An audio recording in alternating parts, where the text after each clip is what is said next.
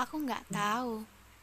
Aku sedang benar-benar jatuh cinta, atau hanya sedang merasa kesepian. Bersamanya, aku malu mengakui siapa sejatinya diriku. Namun, jika tak bersamanya, naluriku selalu menyuruhku untuk meneruskannya tanpa mau berhenti.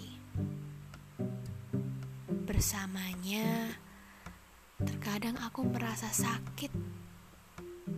Namun, jika tak bersamanya, aku merasa ada yang kurang dari diriku. Aku ingin menyudahi, tapi rasa penasaranku semakin memuncak ketika mencobanya.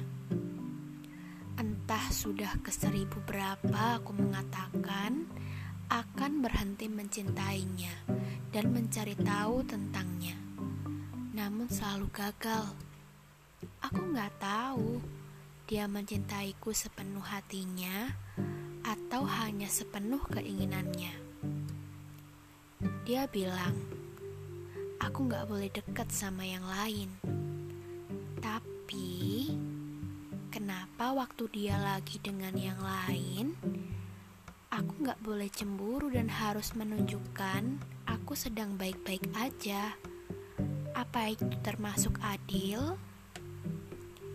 Aku gak banyak menuntut dalam hubungan. Aku juga masih ingin banyak belajar tentang banyak hal. Aku hanya tidak ingin sakit hati lebih serius lagi. Ya, walaupun kau tahu Sakit hati merupakan satu dari triliun hal yang menjadi pelengkap perjalanan hidup. Aku memang masih perlu banyak belajar, tapi aku harus belajar dengan orang yang tepat.